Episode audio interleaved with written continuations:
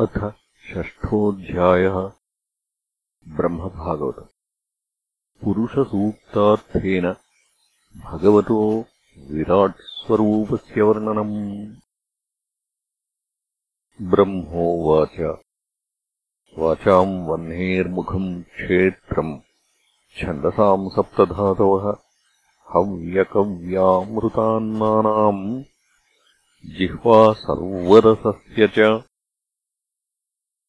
सर्वासूनाम् च वायोश्च तन्नासे परमायणे अश्विनोरोषधीनाम् च घ्राणो मोदप्रमोदयोः।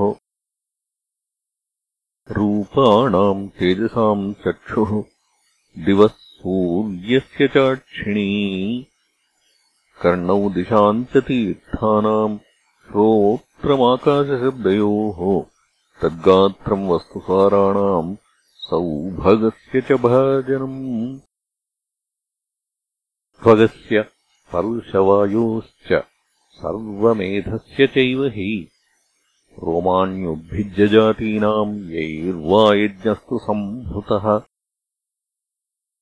केशश्मश्रुनखान्यस्य शिलालोहाभ्रविद्युताम्।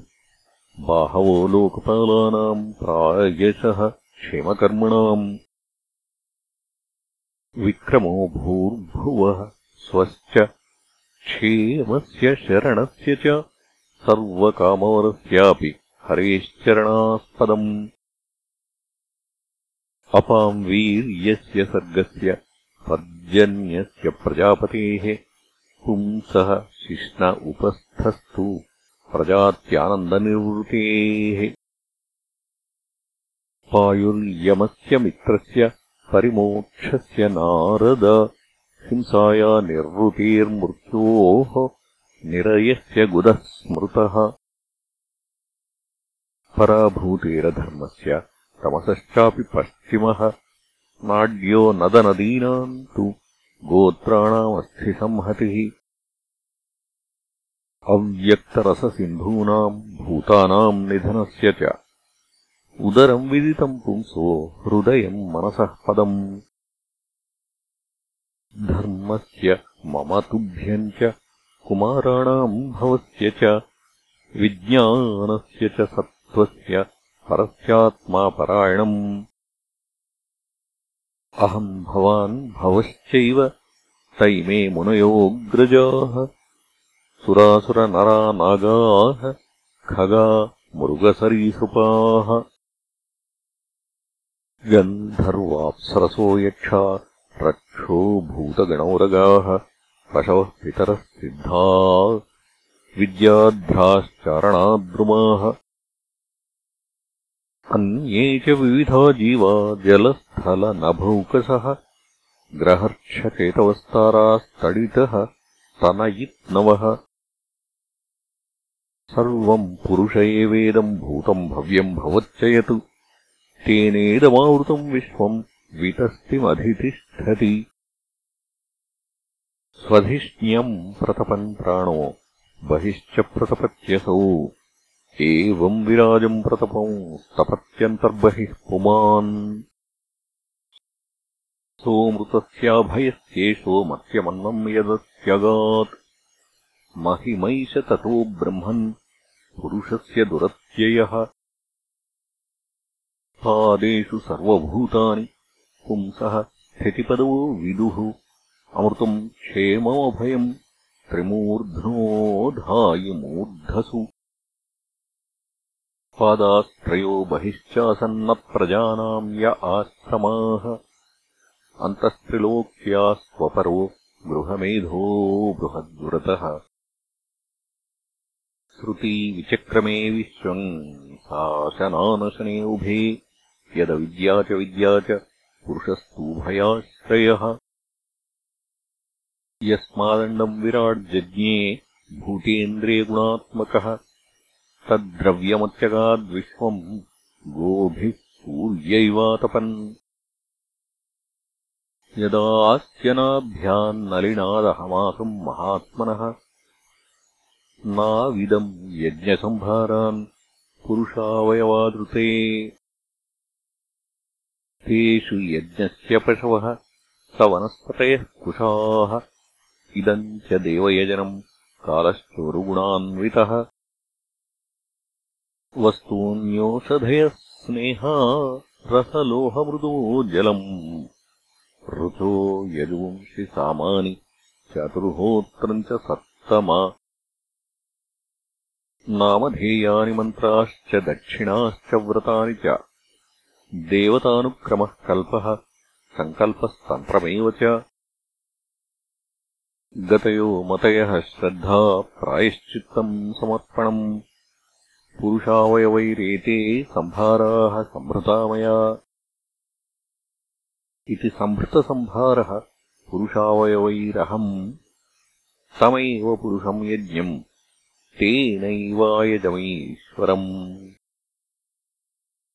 ततस्ते भ्रातरैमे प्रजानाम् पतयो नव। अयजन् व्यक्तमव्यक्तम् पुरुषम् सुसमाहिताः। ततश्च मनवः काले ईजिरे ऋषयोपरे।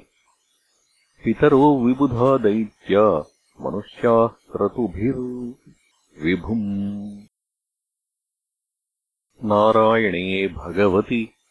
तदिदम् विश्वमाहितम् गृहीतमायोरुगुणः सर्गादावगुणः स्वतः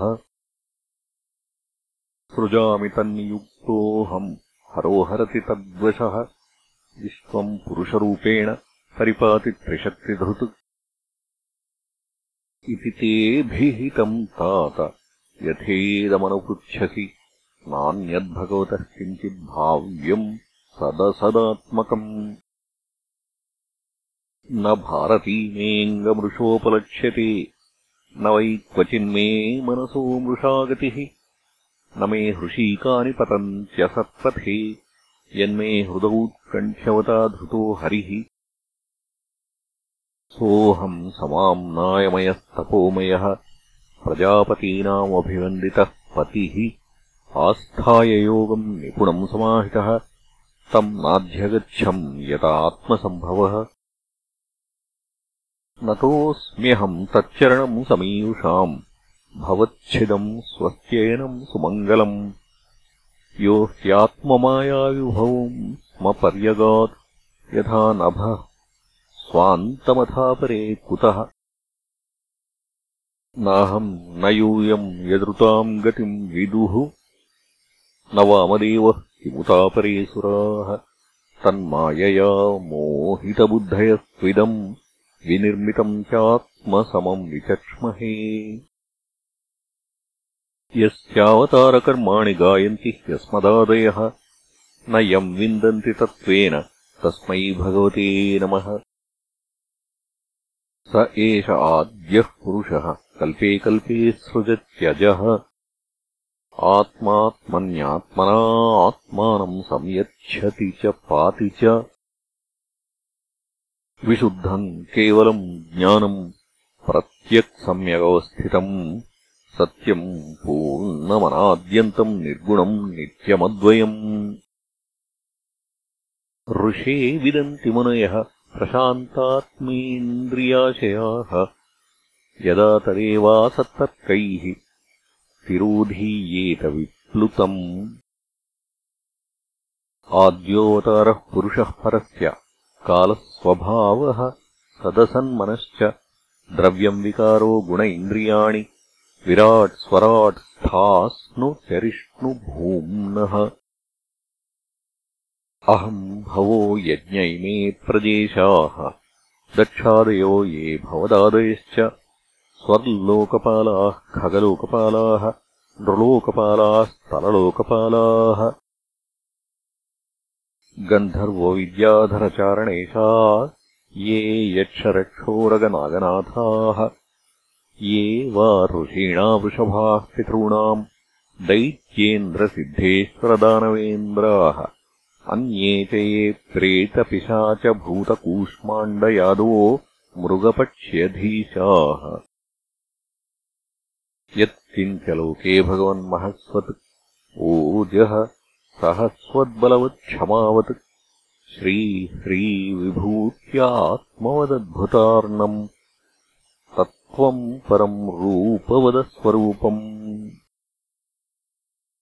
प्राधान्यतो यादृशामनन्ति लीलावतारान् पुरुषस्य भूम्नः आपीयताम् कर्णकषायशोषान् अनुक्रमिष्येत इमान् सुपेशान् इति श्रीमद्भागवते महापुराणे पारमहंस्याम् संहितायाम् द्वितीयस्कन्धे षष्ठोऽध्यायः।